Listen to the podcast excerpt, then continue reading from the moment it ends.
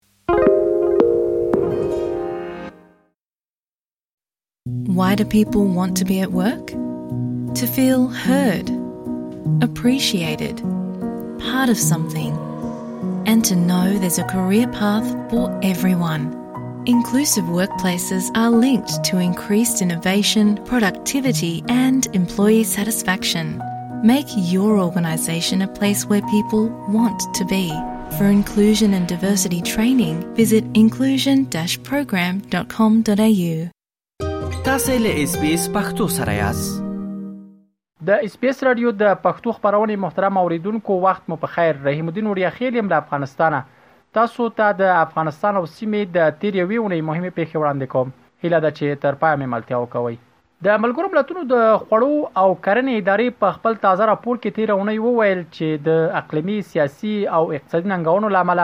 په هر 15 افغانانو کې دوی د خوړو د شدید ناامنۍ له لوړې کچې سره مخ دي دغه راپور چې د جولای په 23مه خپور شوی و پکې راغلي ول په افغانستان کې اتیا سلنه کورنۍ خپل خواړه او عواید له کرکېلې پیدا کوي د دغه ادارې د اټکل پر اساس د افغانستان نفوس په دریو کې دوه برخې بیا بشري مرستو ته اړتیا لري چې دا کچه د 2020م کال په پرتله 450 سلنه ته لوړه شوې ده په راپور کې همدارز راغلي ول په ټولنه کې د خزو په فعالیتونو بندیز هغه کورنۍ چې سرپرستی د خزو پر غاړه ده له سختو ننګونو سره مخ کړي دي په راپور کې دا هم راغلي ول چې 252.4 میلیونه ډالرو ته اړتیا لري چې په 2023م کال کې له 8 میلیونه اړمنو افغانانو سره مرسته وکړي. د یادونې ده که څه هم طالب چارواکي په افغانستان کې د بې وزلۍ او بې کارۍ په اړه ادعاوې رد کړې دي او دا یې بهرنی پروپاګند بللی خو د نړیوالو سازمانونو د راپورونو پر اساس د طالبانو له بیا ځل واکمنېدو وروسته په افغانستان کې د بې کارۍ او بې وزلۍ کچه په بې سارې توګه لوړه شوې چې د ملګرو ملتونو د بشري چارو د همغږۍ دفتر یا اوچا د معلوماتو پر اساس په افغانستان کې اوس مهال اته ویشت میلیونه وګړي بشري مرستو ته اړتیا لري.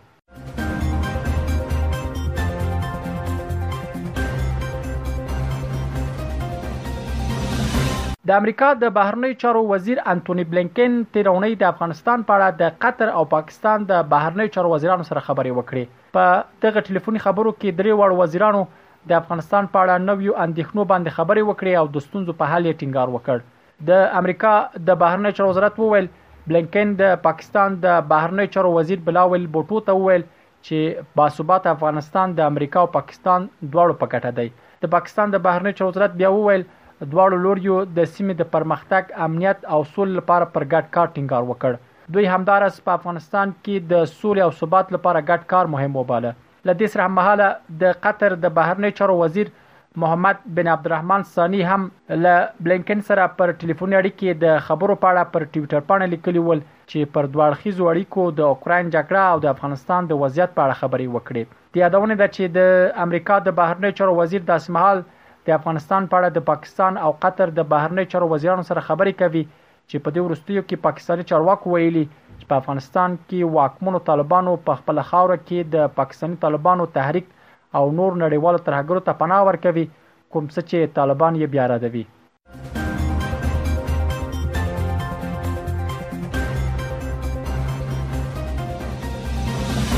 د امریکا د استازو جرګې د بهرنیو اړیکو کمیټې جمهوري غوښتونکي مشر مایکل تېره اونۍ په یو لیک کې افغانستان ته د امریکایي چارواکو د سفرونو په اړه اندېښنه وښوده. نوموړي دغه لیک چې د امریکا د بهرنیو چارو وزیر انتوني بلینکن ته لیږلی پکې د امریکایي چارواکو دغه سفرونه افغانستان ته د طالبانو د مشروعیت په معنا بللي ول. ښاغلي مایکل په دې لیک کې سره له دې چې د دې سفرونو په اړه جزئیات نه وو ورکړي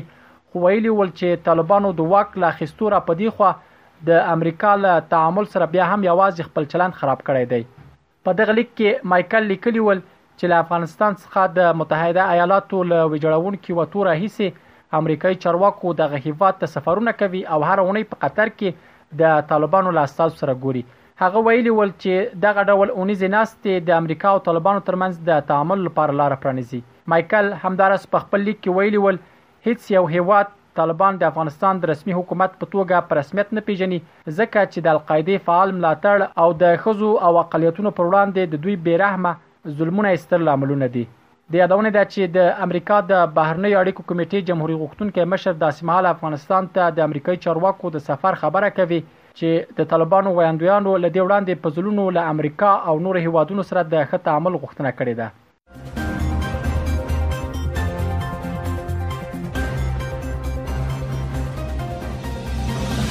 د طالبانو د دعوت او ارشاد عمومي رئیس تیرونی وویل چې یوازې د اسلامي علومو زده کړه پر نر او خزه فرض دي د طالبانو دغه چارواکي تیرونی په یو خبري ناسته کې وویل چې د عصري علومو زده کړه جایز ده مګر په طب، فارماسي، کمپیوټر ساينس او نور پوهنځیو کې زده کړې فرض نه دي هغه وویل، کوم علوم چې فرض عین بلل کېږي او په ټولو منبرونو او سټېجونو باندې موږ وایو چې علم فرض دی په نر او ښځه، هغه علم د دین، شریعت او ایمان دی او دا نور علومونه فرض نه دي. د طالبانو دغه چارواکي همداراز وویل چې د نیکټایي اچول په اسلام کې روا نه دي، په اسلام کې د دې تاریخ معلوم دی، دا د صلیب دی او کفري نښان دی او شکول او له منځه وړل یې واجب دي. د طالبانو د دعوت او ارشاد دغه چرواکي دا هم وویل چې ډاکټران له دیني علومو نه خبره دي او هر ورځ حرام کارونه کوي او ورته د خزو درملنه روانه ده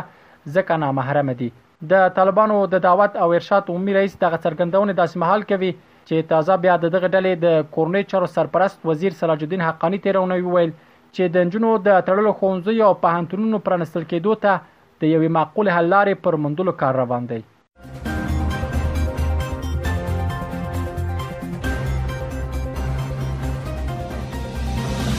د دې اونۍ د پای موضوع هم دا چې د افغانستان لپاره د امریکا دوه ځانګړي استاذي له تیر اونۍ را پدې خو له طالبانو او یو شمېر نور افغانانو سره د خبرو لپاره د قزاقستان او قطر په سفر بوخت دي رويټرز خبري اژانس د امریکا د بهرنیو چارو وزارت د اعلامیې پر حواله وویل چې د افغانستان لپاره د دوی ځانګړی استازی توماس ویسټ او د افغان ښځو او بشري حقوقو لپاره د دوی استازې رینا امیري دغه سفر به پنځه ورځنی وي. د راپورونو له مخې دغه دواړو چارواکو د جمعې په ورځ د قزاقستان په پلازمېنه استانه کې د افغانستان په اړه د سي فایف پلس یو په نوم سازمان غونډه کې ګډون وکړ. د امریکا د بهرنیو چارو وزارت د معلوماتو پر اساس قزاقستان ته تر سفر وروسته به دغه ډیپلوماټان د قطر په پلازمینه دوحه کې د طالبانو له استازو او د افغانستان د یو شمیر د دوی په ټکو کلیدي وزارتونو له تخنیکي کارپوهانو سره هم وګوري د امریکا د بهرنیو چارو وزارت وویل په هغه موضوعاتو کې به چې په دې خبرو کې لومړیتوب ورکول کیږي د افغانستان له خلکو سره د بشري مرستو دوام اقتصادي ثبات، د ښځو او نجونو په ګډون له ټولو افغانانو سره عادلانه